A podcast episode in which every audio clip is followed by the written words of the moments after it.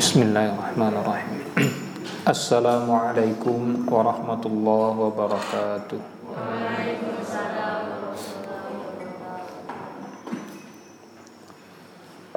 Alhamdulillah Innal wa nasta'inuhu wa nastaghfiruhu wa na'udzu bihi min shururi anfusina wa min sayyiati a'malina man yahdihillahu fala mudilla wa man yudlil fala hadiyalah nashhadu an la ilaha illallah wahdahu la syarika lah ونشهد أن محمدا عبده ورسوله لا نبي ولا رسول بعده أما بعد kaum muslimin, para bapak dan ibu serta saudara sekalian dan juga ada anak-anak yang hadir pada pagi hari ini. Di awal jumpa kita mari kita berdoa kepada Allah Subhanahu wa taala. Allahumma inna nas'aluka ilman nafi'a wa rizqan tayyiban wa wasi'a wa amalan mutaqabbala Allahumma dfa'anna al-bala'a wal waba'a wal fahsya'a wal fitana wal mihan ma zahara minha wa ma batan Nufusana taqwaha wa zakkiha anta khairu man zakkaha anta waliyuha wa maulaha Allahumma at Allahumma atina min ladunka rahmah wa lana min amrina rasyada. Allahumma amin. Kaum muslimin uh, jamaah salat subuh rahimakumullah. Pada pagi hari ini tentu kita tidak henti-hentinya bersyukur kepada Allah Subhanahu wa taala dan memang itu yang diajarkan oleh nabi kita sallallahu alaihi wasallam saat bangun tidur mengucapkan kalimat hamdalah Alhamdulillahilladzi ahyana ba'dama amatana wa ilaihin nusyur. Kemudian berikutnya uh, ucapan syukur kita itu kita lanjutkan dengan perbuatan segera bersuci, berwudu, kemudian mengerjakan sholat baik yang sunnah maupun yang wajib dan sekarang sudah tertunaikan semuanya kewajiban kita di pagi hari ini. Lalu kita lanjutkan dengan mengerjakan kewajiban berikutnya yaitu tolakul ilm, menuntut ilmu. Di saat hati kita masih lapang, terbuka, dipenuhi dengan keimanan, kita isi aktivitas itu dengan tolakul ilm. Mudah-mudahan ilmu yang nanti kita dapat juga ilmu bermanfaat dan barokah dan mudah kita terima dan tentu juga mudah kita amalkan dan kita dimudahkan Allah untuk bisa istiqomah sampai akhir hayat kita nanti. Mudah-mudahan Allahumma amin Kaum muslimin rahimakumullah uh, Salawat beriring salam Teristimewa sekali untuk Nabi kita Muhammad SAW pada saat ini Terutama ini adalah awal-awal bulan kelahiran beliau Rabiul awal. Uh, Mudah-mudahan di bulan ini Salawat menjadi uh, amal soleh yang pahalanya diutamakan, diistimewakan oleh Allah Subhanahu wa taala. Kita tentunya tidak berharap menjadi orang yang masuk surga hanya mengandalkan syafaat beliau. Karena syafaat Nabi Muhammad SAW pada hari kiamat nanti secara khusus memang diperuntukkan untuk umat Islam yang banyak melakukan dosa besar. Sebagaimana pertanyaan sahabat Abu Hurairah radhiyallahu anhu, "Man as'adun nasi bi syafa'atika yaumal qiyamah?" ya Rasulullah Wahai Rasul, siapa orang yang paling bahagia nanti mendapatkan syafaatmu pada hari kiamat? Rasul menjawab, eh, Ahlul kabairi min ummati. Yang paling bahagia nanti adalah orang-orang yang e, melakukan dosa besar dari kalangan umatku. Itu yang nanti sangat membutuhkan syafaat dari Rasulullah SAW. Walaupun demikian kita tentunya butuh syafaat yang lain karena syafaat Rasul bentuknya beraneka rupa tidak hanya untuk yang melakukan dosa besar tapi juga untuk kaum muslimin yang tidak melakukan dosa besar pun ternyata ada syafaat yang khusus juga untuk mereka. Apa di antaranya? Yaitu bisa disegerakan masuk surga jika masih tertahan proses hisab atau ditingkatkan lagi derajatnya di surga setelah masuk surga. Atau dihalangi masuk neraka ketika dia mestinya harus masuk neraka. Ini di antara bentuk-bentuk syafaat yang lain, walaupun secara umum nanti syafaat Rasul adalah untuk mereka yang sudah masuk ke dalam neraka. Dan kita berlindung kepada Allah agar tidak mendapat yang itu, agar tidak mampir dulu ke dalam neraka. Hadirin rahimakumullah, eh, Bapak Ibu panjenengan mau mampir ke neraka? Walaupun nanti ujungnya tetap masuk surga. Ini pertanyaan sederhana sekali dan di Quran ada jawabannya. panjenengan mau mampir? Kadang antara jawaban kita dengan praktek amal kita itu tidak sinkron. itu masalahnya. uh, mau mampir enggak gitu. Tapi amalnya menunjukkan kalau dia nanti akan mampir itu masalahnya. Nah, seperti orang goes sudah jalan jauh, ketuanya sudah di depan sekali anak buahnya bilang Pak Ketua kita mampir enggak? Enggak, padahal jelas sepedanya belok ke warung. Padahal mulutnya ngomong enggak. Itu kira-kira sinkron apa mboten nih? Ya itu yang hari ini banyak terjadi kaum muslimin rahimakumullah. Mari kita sinkronkan antara uh, ucapan kita dengan amal kita. Kalau tidak pengen mampir, ya monggo kerjakan sesuatu yang uh, seharusnya yang memang membuat kita tidak akan mampir itu. Karena mampir di neraka itu uh, Allah nyatakan di Quran, salah satunya ada di surat An-Naba. Mungkin uh, imam kita di sini sering membacanya. La bisina fiha ahqaba mereka tinggal di dalamnya berabad-abad lamanya. Orang Arab menyebut kata ahqaba uh, ahkoba itu adalah bentuk jamak dari hikbun atau hukbun yang itu adalah hitungan waktu satu hikbun itu sekitar 80 tahun lamanya. Jadi kalau disebut ahkob berarti dia lebih dari uh, tiga kali 80 tahun. Berarti berapa tuh?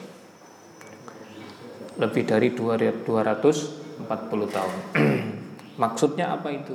Kok Allah menyebut kata ahkob berarti penduduk neraka itu akan tinggal di dalamnya minimal sekitar itu 80 tahun lebih. Bagi siapa? Bagi orang-orang beriman yang harus mampir ke neraka. Minimalnya 80 tahun. 80 tahun waktu neraka bukan 80 tahun waktu bumi. Kata para ulama di neraka itu satu tahunnya 12 bulan, satu bulannya 30 hari, satu harinya sama dengan 1000 tahun di bumi. Jadi kalau 80 tahun ya kalikan aja sendiri. itu waktu minimal untuk mampir ke neraka, minimal. Jadi kalau ada orang beriman kok harus mampir ke neraka, lah minim-minimnya dia harus tinggal di neraka selama itu. Itu kalau tidak ada syafaat. Nah kalau dapat syafaat nanti belum selesai masa tahanannya sudah akan dikeluarkan Allah Subhanahu wa taala. Baiklah hadirin itu sekiranya sedikit tentang syafaat. Materi kita pagi hari ini uh, insya Allah uh, ada kaitan sangat erat dengan bulan ini. Kemarin saya sudah bertanya uh, apakah bulan ini di masjid uh, kita ini Masjid Usman tercinta ini ada mengadakan kajian khusus tentang bulan Rabiul Awal. Ternyata tidak ada berarti saya uh, saya lebih leluasa untuk menyampaikan materi ini. Kalau nanti ada pengajian khusus Rabiul Awal, khawatirnya materinya terulang-ulang, nanti membuat jamaah itu menjadi bosan. Dan bagaimana perhatiannya umat perhatiannya Islam kepada kaum muslimin agar mereka tidak bosan itu itu ada bab e, dalam beberapa bab disebutkan bagaimana agar kaum muslimin tidak merasa bosan. Seperti dahulu para sahabat minta, ya Rasul, mbok ya ngajari kami itu setiap hari, jangan hanya sekali satu pekan, sekali satu minggu. Kata Rasul, saya khawatir kalian bosan. Walaupun yang nyampaikan Rasul. e, kemudian bagaimana Rasul e, ngajari sahabat biar mem, agar membuat e, masyarakat itu tidak bosan dengan agama. Seperti Rasul sendiri kadang mem, e, dalam satu sholat beliau yang biasanya baca panjang tiba-tiba baca pendek. Itu cara Nabi agar jamaah itu tidak menjadi bosan. Dan masih banyak lagi hal lain Kenapa? Karena kepentingan umum didahulukan daripada kepentingan pribadi. Ini ini e, prinsip sangat dasar sekali dalam agama kita. Baiklah, uh, pada pagi hari ini kita akan menyampaikan suatu, kita akan belajar bersama. Saya tidak membacakan detail-detail peristiwanya karena itu bisa panjenengan baca sendiri dalam banyak kitab sejarah, dalam banyak kitab sirah dan mungkin nanti akan sering terulang-ulang begitu. Nah, itu lagi-lagi nanti menimbulkan rasa bosan yang saya kurang suka. uh, kita nanti akan menampilkan beberapa peristiwa saja dari masa lahirnya Nabi Shallallahu Alaihi Wasallam dan kita ambil faedahnya, kita ambil hikmahnya, kita ambil manfaatnya. Ada beberapa peristiwa nanti setidaknya tiga kalau waktu kita cukup. Kenapa hanya tiga Ustaz? Padahal banyak sebenarnya. Ya karena waktu singkat dan ilmu juga terbatas. Apa yang menjadi keistimewaan dari beberapa hal yang nanti kita kaji ini? Awalnya dia hanya menjadi tradisi awalnya itu dia tradisi tapi setelah e, Rasulullah menjadi nabi ternyata Allah mengabadikannya menjadi syariat awalnya itu hanya tradisi masyarakat Arab tapi setelah Rasulullah menjadi nabi yang awalnya tradisi menjadi syariat kalau begitu kesimpulannya gimana Pak? Kita menyimpulkan di awal dulu. Aslinya itu cuma tradisi. Tapi setelah Rasul jadi nabi, dia diresmikan jadi syariat. Yang nanti akan dipakai digunakan di semua tempat di seluruh permukaan bumi siapa pun yang beragama Islam. Mengikuti itu. Berarti kesimpulannya apa tuh? Halo? Berarti apa yang dilakukan oleh masyarakat Arab waktu itu yang waktu itu mereka lakukan hanya berdasarkan pemahaman mereka pikiran mereka kecerdasan mereka tidak dibimbing oleh wahyu ini eh, apa namanya diakui oleh Allah sebagai Subhanahu Wa Taala sebagai sesuatu yang baik. Kemudian diabadikan menjadi syariat. Artinya apalagi itu? Artinya tingkat kecerdasan mereka memang luar biasa. mereka dibalik banyak maksiat yang dilakukan semasa mereka jahiliyah, tapi ada satu dua perbuatan mereka yang saking bagusnya dinilai baik oleh Allah Subhanahu wa taala kemudian dijadikan sebagai syariat. Sekalian aja nanti jadi syariat. Nanti kita bahas insya Allah. Uh, sedikit saya sampaikan tentang hari kelahiran beliau karena ini di hari ini mungkin di dunia maya sedang viral ada orang yang uh, berantem memperdebatkan sebenarnya Rasul itu lahir kapan sih? nah, kalau bulannya jelas bulan Robiul awal. Tahunnya tahun gajah. Tahun gajah itu berapa pak? Hmm? Gajah itu angka apa pak?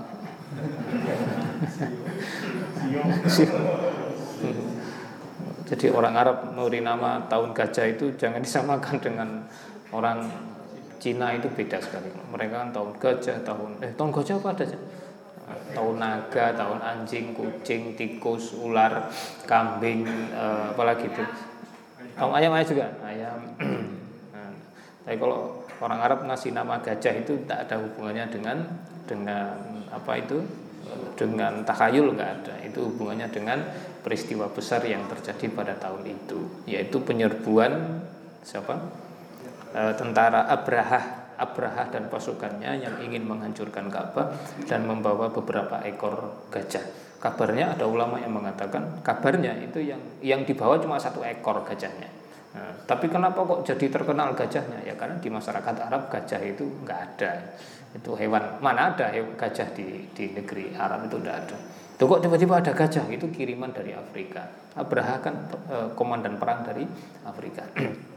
Karena senang rajanya terus dikasih hadiah gajah. Nah gajahnya dipakai untuk menghancurkan Ka'bah karena memang tujuannya untuk menghancurkan Ka'bah jadi menghancurkan Ka'bah bukan orang tapi gajah disiapkan untuk menghancurkan Ka'bah tapi tidak jadi. Baiklah rahimakumullah karena peristiwa itu unik aneh menurut mereka maka mereka namakan tahun itu sebagai tahun gajah. Tahun gajah itu bukan angka. Ini memang orang-orang Arab seperti itu. Nah hadirin rahimakumullah sampai nanti ketika Rasul lahir eh, maaf Rasul jadi nabi peristiwa itu peristiwa besar itu juga diabadikan jadi sebutan tahun nubuah tahun kenabian Ketika Rasul hijrah itu juga peristiwa besar. Nanti dijadikan lagi sebagai sebutan tahun, tahun Hijriah, tahun keberangkatan Rasul hijrah. Kepada begitulah seterusnya. Jadi mereka menjadikan peristiwa besar itu sebagai patokan tahun. Sampai akhirnya nanti di zaman sahabat Umar radhiyallahu anhu eh, ditentukan baru ditentukan kalender Islam pertama kali dan tahun pertamanya ditetapkan adalah tahun ketika Rasulullah berangkat hijrah yang sampai hari ini kita pakai namanya tahun hijriah.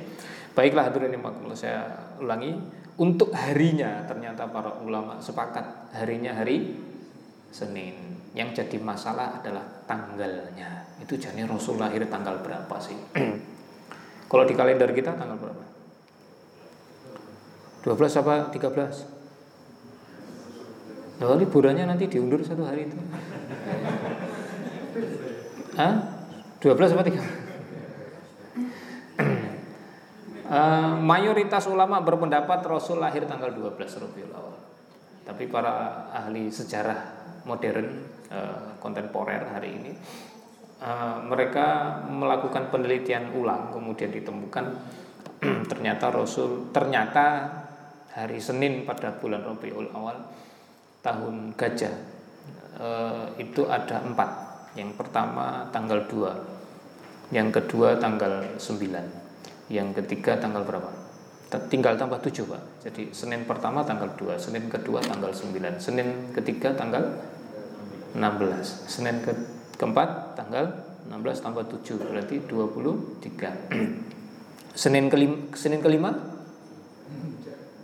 Enggak, uh, kadang satu hari itu bisa lima kali dalam satu bulan. Tapi berhubung bulan Rabiul Awal tahun gajah itu menurut uh, perhitungan kalender hanya 29 hari berarti Seninnya hanya ada 4 tidak sampai 5 kalau Senin eh, kalau penanggalannya 30 hari itu Seninnya 5 karena Senin kelima eh, Senin kelima tanggal 30 tapi karena penanggalannya 29 hari Seninnya hanya 4 nah kalau gitu tanggal 12 hari apa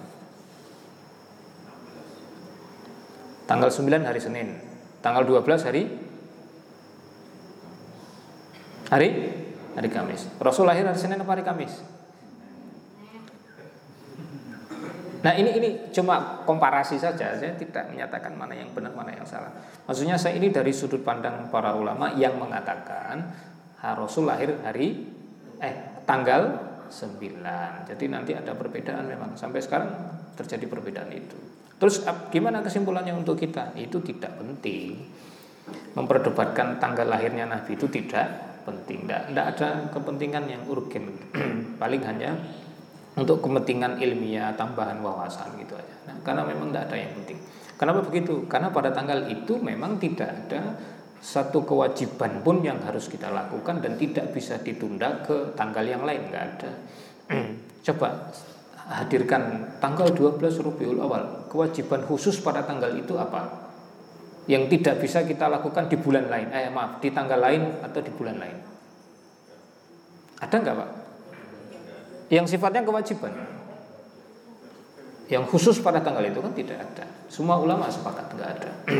beda beda ceritanya tanggal 9 Dhul Hijjah. Ada nggak kewajiban khusus tanggal, tanggal itu? Apa? Oh, kewajiban khusus tidak bisa ditunda atau didahulukan, dimajukan, nggak bisa dimundurkan, nggak bisa hanya bisa tanggal itu.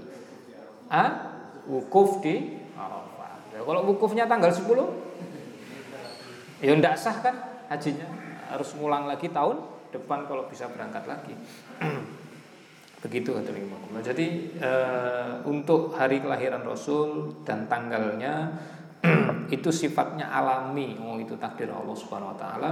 Pada pada pada perkara ini kita belum mendapatkan uh, sesuatu yang bisa dijadikan sebagai suri tauladan.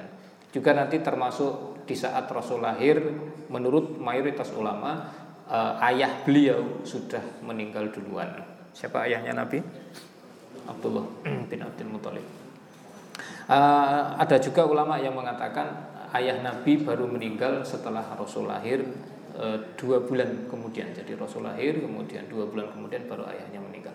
Ini ini memang khilafiyah di kalangan para ulama. Tapi pendapat mayoritas pendapat yang masyhur sampai kita sekarang adalah orang tua Nabi, ayah Nabi sudah meninggal sebelum Rasul lahir. Pertanyaannya adalah apakah peristiwa ini menjadi suri tauladan bagi kita? Dan judul tema kita akan pada pagi hari ini meneladani Nabi sejak bayi. Apakah itu e, menjadi suri tauladan untuk kita? Nabi Muhammad lahir dalam keadaan bapaknya sudah tidak ada. Apakah itu menjadi suri tauladan yang patut kita contoh, kita tiru? Ah? Gimana Pak? Ini coba ngopi dulu Pak biar nggak ngantuk. Gimana itu? Kalau misalnya itu jadi suri tauladan, kira-kira hasilnya gimana? Oh, biar bayi saya nanti lahirnya seperti lahirnya Nabi itu gimana kira-kira? Wah, sini para ibu sudah menyiapkan bapaknya si bayi tak pateni di biar nanti bayinya lahir seperti Nabi. Itu bukan suri tauladan, itu anugerah dari Allah Subhanahu wa taala, tidak bisa kita tiru. Kalau begitu apa lahirnya juga harus Senin? Enggak juga. Itu urusan takdir gitu, tidak usah direkayasa. Seperti orang hari ini kan ada yang merekayasa hari eh, hari apa tanggalnya sih yang dipikirkan tanggal pak ya? Nah, tahu itu milih tanggal cantik apa gimana biar gampang apa namanya? Hah? Bunyi mengingatnya. Oh mertua saya itu kalau ditanya anak-anaknya manggilnya abah, bah, abah lahirnya kapan sih tanggal berapa? nggak tahu pokoknya nggak ada aktenya terus ketika bikin KTP itu ditulis tanggal 17 Agustus. Iya setelah KTP-nya jadi terus anaknya tanya lagi lo kok 17 Agustus? Biar saya ini nanti ulang tahun dilayakan orang se-Indonesia. Cuma alasan biar gampang ingat aja. Tidak maksud saya nyampaikan ini itu nggak penting. Tanggal lahir itu tidak tidak penting. Syariat tidak memandang itu sebuah kepentingan. Nah, baik hadirin rahimakumullah, kita lanjutkan lagi G. Jadi artinya apa? Artinya mau memilih tanggal 9 atau tanggal 12 gak ada masalah. Uh, dan umumnya ulama juga mengatakan tanggal 12. Dan di kalender kita yang sudah dijadikan tanggal merah tanggal 12. Apa tambah satu lagi tanggal 9 juga? Ya, ya monggo diusulkan aja nanti siapa yang berhak mengubah kalender. uh, Ya kalau kita kan pengennya begitu Pak. Jadi kalau bisa dari hari Senin sampai hari Jumat itu tanggal merah gitu. Nanti hari liburnya hari uh, tetap liburnya Sabtu Ahad. Gitu. Senin sampai apa tadi? ya, iya. Terus hari Ahad kajian. nah hadirin rahimakumullah yang saya hormati. Uh, sebenarnya ada satu lagi tapi nanti aja deh di ujung kita sampaikan karena bulan Rabiul Awal ini unik unik sekali. Mari kita lihat sekarang apa yang bisa kita ambil tauladan dari peristiwa lahirnya Nabi Shallallahu Alaihi Wasallam. Eh, Rasul Shallallahu Alaihi Wasallam adalah putra dari orang terbaik, dari orang terbaik, dari orang terbaik, terus ke atas itu semuanya orang terbaik. Ini bisa jadi suri tauladan, tapi susah untuk mewujudkannya. Nabi Muhammad Wasallam bin siapa tadi pak? Bin Abdullah, bin Abdullah uh, dari 10 orang anak laki-laki Abdul Muthalib ada yang mengatakan 11 ada yang mengatakan 13 tapi kebanyakan ulama mengatakan 10 orang. Jadi Abdul Muthalib punya putra totalnya sekitar 16 orang. 10 laki-laki 6 perempuan. Uh, saya tidak tahu detailnya itu dari satu ibu atau dua ibu atau tiga ibu saya tidak paham. Yang jelas beliau punya sekitar 10 orang anak laki-laki. Dan yang anaknya bernama Abdullah inilah yang terbaik di antara semuanya dan yang paling dia cintai. Paling dia cintai. Uh, kemudian uh, dulu masih ingat peristiwa ketika Abdul Muthalib punya nazar akan kalau dia sampai punya 10 orang anak nanti satunya di salah satunya nanti di dikorbankan disembelih hmm, salah satunya akan dia sembelih dan betul begitu punya anak ke-10 laki-laki eh, dia berangkat ke Ka'bah, kemudian buat undian, nulis semua nama anaknya yang 10 itu dimasukkan kotak undian seperti orang mau warisan itu, dikocok terus keluar nama dan yang keluar namanya siapa? Abdullah. Padahal itu anak paling dia sayang, paling dia cintai dan terbaik dari semua sisi dia yang terbaik dari sisi fisik ini paling gagah, paling ganteng, akhlak ini paling bagus. uh, dia bingung ini gimana nih? Ternyata anak terbaik yang muncul. Akhirnya teman-temannya termasuk keluarga dari istrinya Bani Makhzum, e, ibu dari Abdillah, Ibu Abdillah itu namanya Fatimah. Nanti Nabi Muhammad mengabadikan nama neneknya untuk nama anaknya juga Fatimah. Jadi orang Arab biasa gitu. Jadi mereka mengabadikan nama nenek kakeknya dikasihkan ke ke anak-anaknya. Kalau kita kan aneh pak ya, nama nama mbah kita kita pakai untuk namai anak kita. Hah? Ada nggak di sini gitu tuh? Ya paling cuma buat nama belakang aja paling, tapi buat nama panggilannya aneh. Orang Arab biasa. Kita lanjut. Akhirnya singkat ceritanya para bangsawan Quraisy waktu itu mengusulkan agar ini diganti aja. Diganti aja dengan 10 ekor onta. Nah, 10 ekor onta. Sampai eh, kenapa kok 10 ekor yang mereka tawarkan? Karena 10 ekor onta itu ada waktu itu adalah nilai tebusan untuk pembunuhan. Jadi kalau ada orang yang membunuh seseorang ketika dia mau membayar denda maka dendanya adalah 10 ekor onta. itu usulan orang-orang Arab waktu itu para para pembesar Quraisy dan itu diterima oleh Abdul Muthalib. Nah, singkat ceritanya dia masukkan lagi nama putranya Abdullah, dikocok lagi, muncul lagi dia lagi. Itu sampai sekitar 10 kali. Dan totalnya nanti 100 ekor onta karena setiap kali muncul diganti 10 ekor. Ganti kali muncul ganti 10 ekor. Jadi sampai 10 kali muncul berarti 100 ekor. Nah begitu sudah 100 ekor dihentikan, tidak diundi lagi. Nah, kemudian diputuskan 100 ekor onta dikorbankan. nah ini ini peristiwa ini nanti Allah abadikan jadi syariat. Apa itu? Kalau ada orang yang melakukan pembunuhan entah sengaja atau tidak sengaja, maka diatnya, diat itu denda. Nah, dendanya adalah 100 ekor onta. Bedanya walaupun sama-sama jumlahnya 100 ekor, kalau itu pembunuhan sengaja, ontanya onta yang mahal. Kalau itu pembunuhan tidak sengaja, maka ontanya yang biasa. Onta biasa itu nilai nominal rupiahnya sekitar 20 juta per ekor. Nah, yang bagus itu bisa sampai 40 juta per ekor. Kalau kali 100 berapa?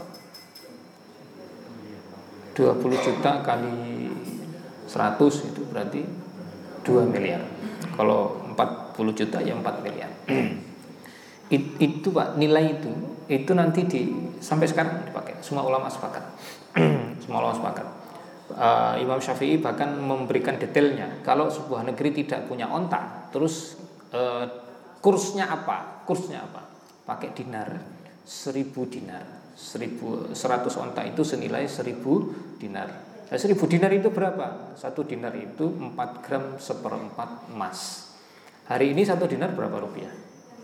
Ada yang ada yang jualan mini gold apa itu ada ada ada ada Bu ada mungkin ada yang koleksi di rumah gitu.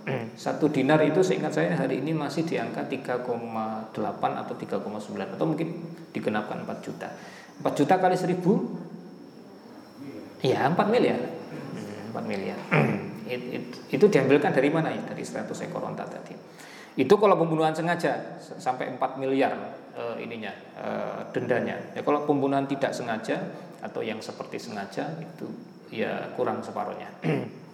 seperti apa contohnya nggak sengaja itu Ustaz? Ya seperti bawa kendaraan ugal-ugalan terus nabrak orang meninggal. Hmm, it, itu dendanya berapa tadi? 100 ekor onta yang biasa saja. Maka hati-hati yang biasa ugal-ugalan. Ugal-ugalan boleh tapi jangan sampai nabrak. Nabrak sendiri mati sendiri nggak apa-apa. Nabrak orang muslim itu marganya mahal sekali. Sampai nabrak orang muslim dan meninggal itu masya Allah itu bebannya berat. Baik aturannya kita lanjut. Itu nanti jadi syariat. Jadi apa yang dulu dilakukan oleh Abdul Muthalib itu nanti jadi syariat agama. Kemudian berikutnya uh, ini saya singkat-singkat aja. Setelah Rasul lahir Shallallahu Alaihi Wasallam, karena beliau lahir figur seorang ayah sudah tidak ada. Uh, ini kita ambil pendapat mayoritas. Terus diasuh oleh siapa? Dirawat siapa? Oleh oleh kakek. nah, tapi nanti sampai usia 2 tahun dirawat siapa? Kok pahaman sih? Itu yang dibawa ke desa ke Bani Sa'ad itu. Ah, Halimatus Sa'adiyah.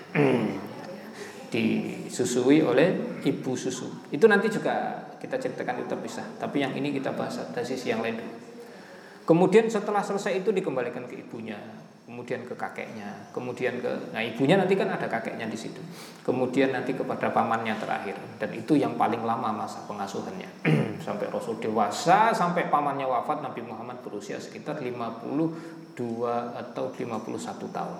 Berarti padahal beliau memelihara anak ponaannya ini sejak usia sekitar 8 tahun atau 10 tahun.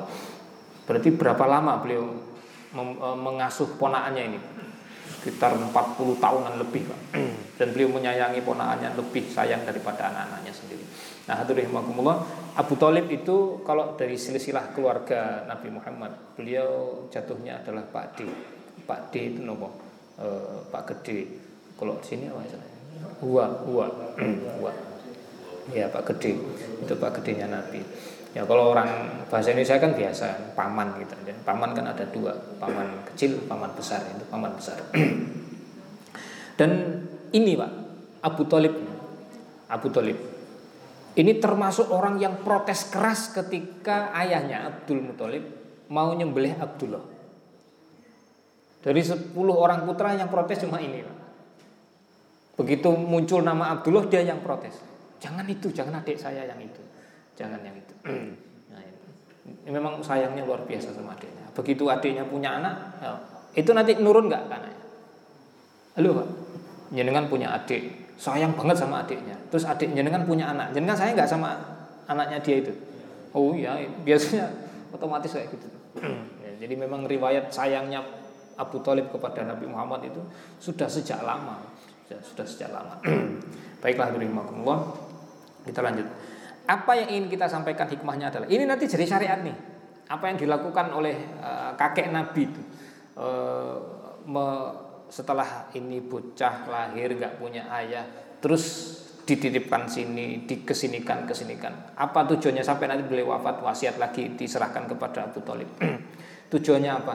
Untuk menghadirkan sosok ayah bagi si bayi ini, bagi si anak ini. Ini pelajaran penting untuk kita. Dan itu ternyata perlakuan Allah sama untuk para nabi yang lain juga begitu. Contohnya siapa yang paling dekat dengan Nabi Muhammad? Nabi Isa alaihissalam. Lahir ada bapaknya? Enggak ada. Tapi tetap saja nanti ada petugas yang Allah perintah untuk mengawal Nabi Isa alaihissalam sebagai sosok pengganti ayah. Siapa dia? Nabi Zakaria. wa Zakaria itu nanti diasuh Nabi Zakaria mengasuh Maryam. Maryam nanti ibunya uh, jadi ibunya Nabi Isa. Nanti Nabi Isa di, diasuh juga oleh Nabi Zakaria bareng dengan putranya sendiri Nabi Yahya. jadi Nabi Yahya dengan Nabi Nabi Isa itu lahir di tahun yang sama. Uh, jenengan tidak usah tanya tanggalnya, bulannya saya tidak tahu, tapi saya tahu itu lahir di tahun yang sama karena ibunya hamil bareng. uh, kakak beradik dalam satu riwayat e, menyatakan ibunya Nabi Yahya dan ibunya Nabi Isa itu kakak beradik lebih tua e, yang Nabi Yahya. Lebih tua sekian puluh tahun caranya karena memang itu sudah sepuh sekali baru punya anak. Nah, sedangkan ibunda Maria masih muda. Maka lahirnya bareng. Cuma bedanya begitu Nabi Isa lahir dia sudah bisa ngomong normal sudah jadi Nabi Nabi Yahya belum itu bedanya. Saya tanya ini kita sedikit keluar dari konteks eh, konteks dan teks. Kalau ada satu nabi hidup bareng di sebuah kota, ditugaskan bersamaan di situ, SK-nya sama-sama di tempat yang sama, itu kira-kira ngikut yang mana? Siapa ngikut siapa gitu. Seperti Nabi Yahya dan Nabi Isa, ini bareng. Umurnya juga sama. Dan mereka saudara sepupu. Ya kalau manggil ya nggak ada manggil, ini manggil biasa aja, wah Isa, wah Yahya gitu aja nggak pakai nabi, oh nabi enggak, ya, mereka juga saudara. Nah itu itu siapa ikut siapa? Ini biasanya kan jenengan nanya ustadz kan ustadz nanya. Ah, iya kepemimpinan siapa? Siapa yang memimpin? Siapa yang jadi anggota itu kira-kira? Yang pertama jadi nabi. Hmm, ya bisa. Tapi yang jelas adalah siapa yang jadi rasul. Yang jadi rasul siapa di situ? Nabi Isa, Nabi Yahya bukan. jadi kalau gitu gimana? Ya kalau dengan dia lihat dialog yang diabadikan para ulama kalau menghadirkan dialog antara Nabi Isa dengan Nabi Yahya, itu Nabi Isa sering negur Nabi Yahya. Yahya kamu sudah nyuruh umatmu sholat belum? Itu kayak gitu. Nah, Yahya sering biasa. Tapi jarang Nabi Yahya nasihati uh, Nabi Isa itu jarang. Walaupun ada. Contoh lain, mundur lagi ke belakang, mundur lagi ke belakang jauh. Nabi Musa alaihissalam Ketika lahir bapaknya ada, ibunya ada, tapi terpaksa harus dipisah dari kedua orang tuanya. Perhatikanlah bagaimana Allah menghadirkan sosok ayah untuk Nabi Musa. Siapa? Firaun. Bayangkan. Orang nomor satu di negeri itu, walaupun dia jahat, walaupun dia jahat. tapi tetap ada sosok apa? Sosok ayah itu pentingnya ayah dalam sebuah uh, dalam sebuah rumah tangga. Bukan yang melahirkan ibu. Kata Rasul, siapa yang berhak saya uh, perlakukan dengan baik ibumu, ibumu, ibumu. Sampai tiga tuh. Ya, ini meng mengartikannya jangan letter. Ibu tiga, bapak satu. Jadi masalah ini nanti. ibu tiga. Ya walaupun begitu, tapi peran ayah itu luar biasa. Perhatikanlah bagaimana Allah me, me, mengajarkan kepada kita dalam sejarah itu. Nabi Muhammad lahir nggak ada ayahnya di, diberikan ini ayahnya sosok ayah sosok pengganti ayah. Jadi uh, sosok laki-laki itu penting sebagai idola bagi anak-anaknya. Walaupun nanti entah dia jadi mengidolakan bapaknya apa tidak urusan nanti. Seperti Nabi Musa apakah dia mengidolakan Firaun? Enggak enggak. Tapi Firaun punya jasa besar. Sebagaimana Abu Lahab itu punya jasa besar. Untuk membesarkan Nabi Muhammad SAW. Abu Lahab itu salah satu di antara paman Rasul. Karena Abu Lahab salah satu dari sepuluh putra Abdul Muthalib. Salah satu dari sepuluh putra Abdul Muthalib. Saudara dari Abdullah, saudara dari Abu Talib. Jadi dia punya jasa besar. Walaupun nanti jadi musuh besar juga setelah dewasanya, setelah jadi nabi. Nah, tapi sosok ayah itu penting. Nah, maka jadilah sosok ayah yang berwibawa, yang ya betul-betul menjadi hero, menjadi pahlawan bagi anak-anaknya. Karena ayah itu penting. Kita lanjut. ya kalau ngobrol sama istri biasanya gimana Pak? Jadi kan e, memperebutkan anak itu, anaknya mirip siapa? Itu kira-kira biasanya dijawab gimana Pak? Halo? Nah ini ini masalah kayaknya nggak penting tapi itu penting Pak. Itu penting. Memang mungkin e, para wanita dia jauh lebih sayang kepada anak-anak, tapi peran ayah luar biasa. Nanti kita hadirkan lagi ayat Quran yang menunjukkan betapa luar biasanya peran ayah. kita lanjut lagi ke atas. E, yang terakhir ini saya sebentar. Ini sampai jam berapa sekarang ya Pak? Setengah enam maksimal, masya Allah. yang terakhir itu baru dua. Yang pertama tadi masalah apa? E, diat onta sampai 100 ekor onta itu yang nanti jadi syariat. Awalnya itu hanya keputusan pribadi dari Abdul Muthalib. Kemudian berikutnya yang kedua peran ayah dalam rumah tangga. Itu begitu penting. Dan itu memang e, menjadi syariat kita. Betapa pentingnya sosok ayah. Dan itu tanggung jawab seorang ayah. E, maaf ketika misalnya di rumah tangga nggak ada ayah tidak ada sosok ayah tidak ada figur ayah maka nanti beban kakeknya untuk menjadi sosok ayah bagi cucunya itu. Kalau tidak nanti bisa kepada pamannya seperti Rasul begitu kakeknya pamannya bisa pada pamannya. Yang penting ada sosok ayah di situ. Nabi Isa punya sosok ayah juga yaitu Nabi Zakaria. Itu adalah uh, manggil Nabi Zakaria berarti apa? Nabi Isa itu manggil Nabi Zakaria apa? Pak D kan Nah, karena suami dari budenya, nah, suami dari budenya, suami dari bugedenya. Begitu seterusnya. Jadi kan nyambung dan kenapa Allah memerintahkan Nabi Musa berkata yang lemah lembut kepada Fir'aun ketika berdakwah. Salah satu penyebabnya apa? Ini ayahnya. Ayah angkatnya. Mosok anak ngomong sama bapak kasar itu orang pantas gitu nyambung jadi memang ini, luar biasa luar biasa hmm. baik kita lanjut. Lah yang nggak punya sosok ayah itu siapa? Nabi Adam dan ibunda Hawa. Nggak butuh karena begitu tercipta sudah dewasa. Hmm, begitu tercipta sudah dewasa. Nabi Nabi Nabi Adam tidak melewati fase bayi anak remaja itu nggak lewat. Beliau lahir beliau, beliau tercipta beliau ada sudah sudah jadi orang dewasa gagah perkasa. Yang kalau ibarat uh, manusia hari ini ya umur-umur sekitar 30-an tahun. Jadi fisik Nabi Adam itu itu Allah ciptakan fisik paling gagah fisik paling gagahnya manusia. Dan satu lagi adalah ibunda Hawa yang memang sejak tercipta juga tidak melewati fase seperti yang tadi kita sebutkan. Ini sudah dewasa sudah dewasa. Wong baru diciptakan terus langsung dinikah oleh Nabi Adam gitu loh. Jadi kan tidak mungkin melewati fase anak-anak. Kecuali nek panjenengan ada yang mirip seperti ini penciptaannya ya memang tidak butuh sosok ayah. Kalau masih melewati masa bayi, anak-anak terus remaja ya dia sangat membutuhkan sosok ayah.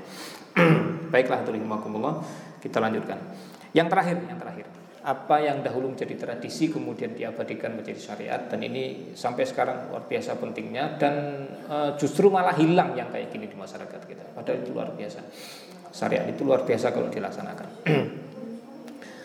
Yaitu tadi tradisi masyarakat Arab terutama bangsawan Quraisy Ketika punya anak, itu mereka umumkan nanti wanita-wanita dari kampung dari desa datang ke kota nyari kerjaan salah satunya adalah menyusui anak dan mereka bangga sekali kalau dapat ke kota kemudian pulang ke desanya bawa putra bangsawan itu luar biasa bangganya dan yang pertama dituju siapa mesti Quraisy si Quraisy Nah, itu kisahnya kan luar biasa nanti jangan.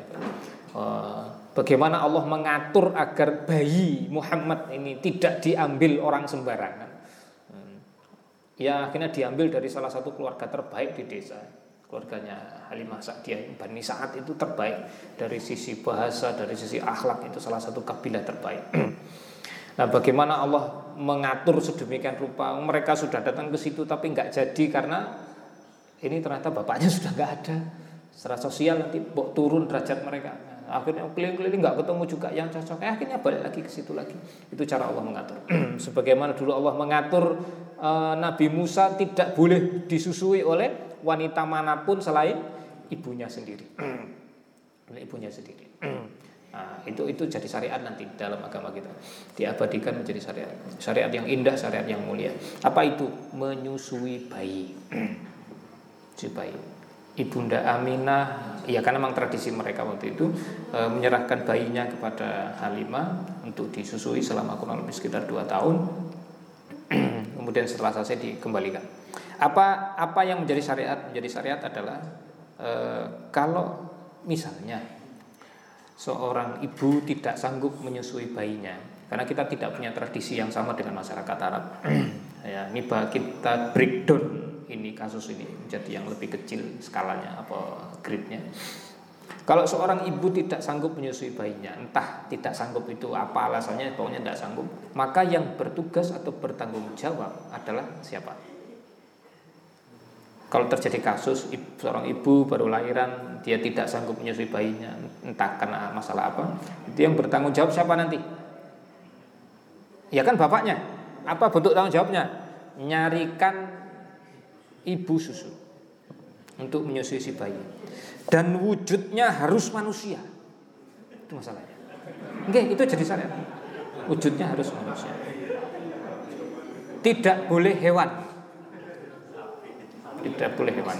Ya kalau mau pakai bahasa Arab Siti Aminah, Siti Fatimah, jangan Siti Bakoroh kira-kira. Eh. Wujudnya harus manusia. Gimana Ustaz? Berarti nyari istri lagi. Eh, enggak bukan gitu tafsirnya. Oh, itu tafsirnya kebablasan malah. Hmm. Loh kalau nyari istri lagi kan ya harus nunggu hamil dulu, nunggu lahiran dulu, setahun ke depan baru bisa nyusui gitu. Hmm. Maksudnya nyari wanita yang dia sedang nyusui bayinya dan asinya melimpah. Hmm. Itu tugasnya bapak, hmm. tugas ayah atau tugasnya kakek kalau si bapak tidak mampu. Hmm. Nah, kalau dulu gampang itu. Dan saya kira di desa-desa seperti itu biasa terjadi. Mungkin ditinggal tempat buliknya, tempat budinya, karena mungkin pas eh, punya pas punya bayi bareng. Hmm. Nanti kalau ini ponakannya nangis di susui oleh buliknya atau budinya.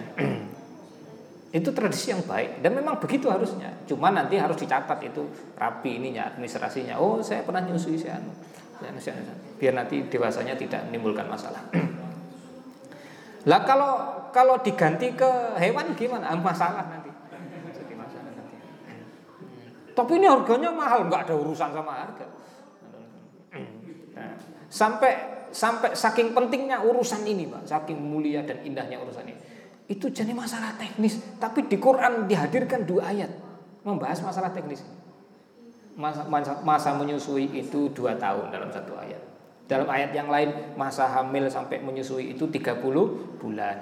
Hmm, Salasuna syahra 30 bulan. Hmm. Kalau dalam ayat yang pertama uh, fi anain 2 tahun masa menyusui. 2 tahun berarti berapa bulan? 24 bulan. Nah, kalau misalnya 30 bulan hamil menyusui 30 bulan totalnya. Dan keumuman wanita hamil 9 bulan. Berarti masa menyusui tinggal berapa lama? 30 kurangi 9. 21 dalam dalam satu ayat tadi 24 dalam ayat yang lain 21 bulan berarti gimana cara kita menggabungkannya masa menyusui itu minim-minimnya 21 bulan maksimalnya 24 bulan pertanyaannya adalah lo kok Quran ngurusi teknis kayak gitu Tuhan alam semesta ngurusi kayak gitu loh ya ini potongan luar biasa Pak, luar biasa. Penting sekali itu kita pahami. 21 bulan. Kok muncul angka? Muncul angka. Teknis kan? Dan itu menarik perhatian para peneliti untuk melakukan penelitian. Ini diteliti oleh mereka. Dan hasil penelitiannya kurang lebih seperti ini. Kenapa kok 2 tahun batasnya? Bukan 25 bulan atau berapa? Kok 24 bulan. uh, hasil penelitiannya kurang lebih begini. Uh, bayi yang usianya masih 24 bulan itu kalau dia mengkonsumsi susu dan itu betul-betul susu entah dari manusia atau dari hewan. Bukan susu kedelai pak. Karena dari kapan sih kedelai menghasilkan susu itu? Ya mungkin sari kedelai itu kok susu kedelai berapa pas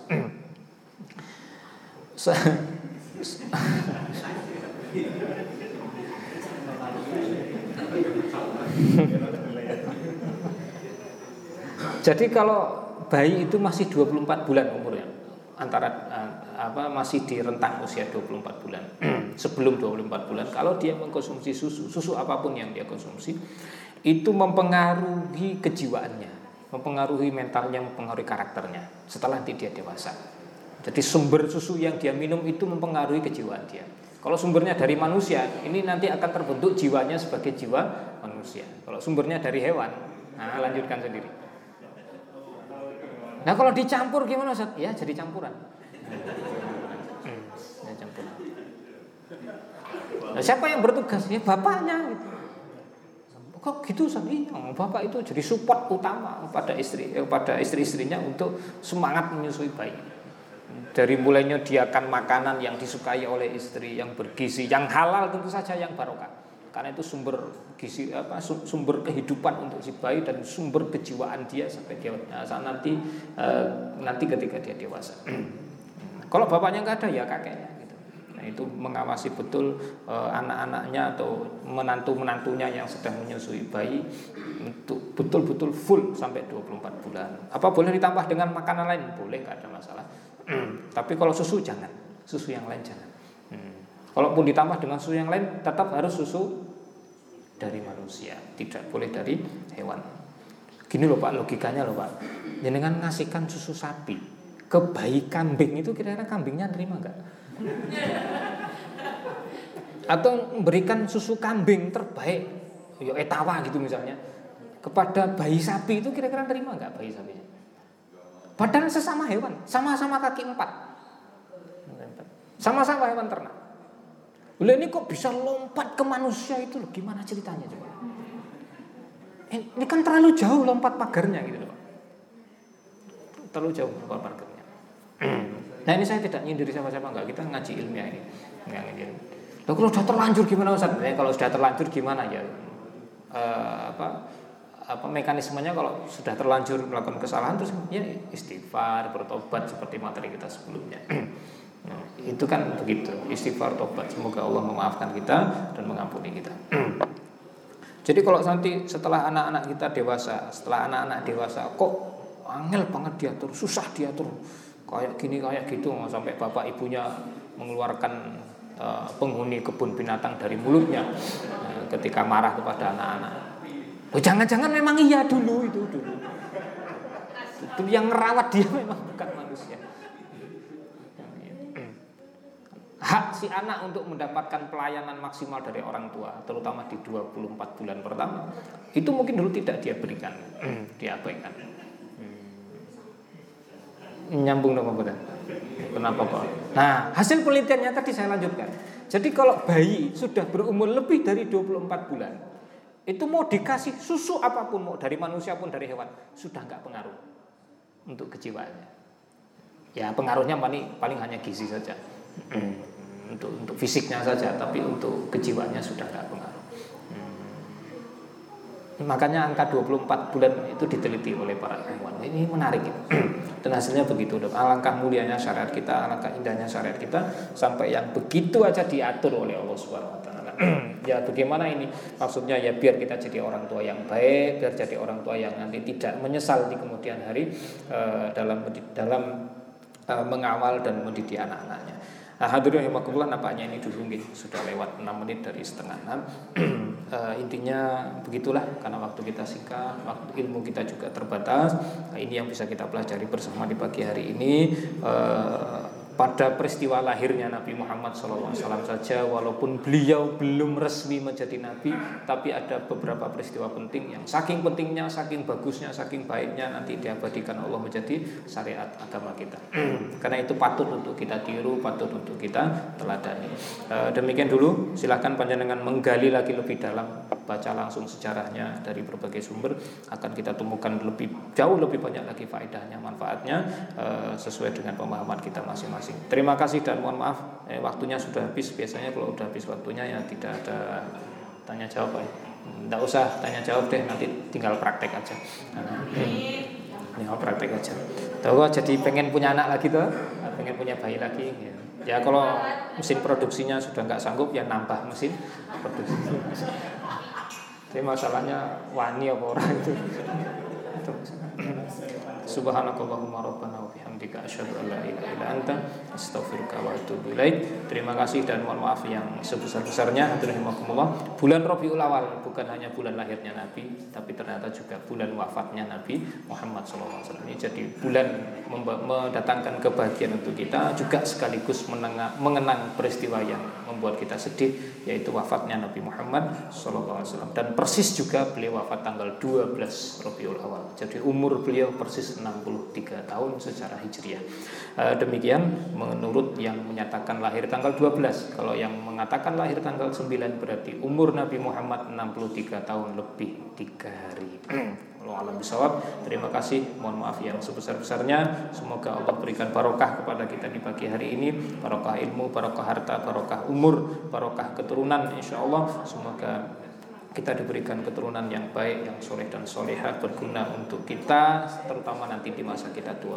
Alhamdulillah, terima kasih. Assalamualaikum warahmatullahi wabarakatuh.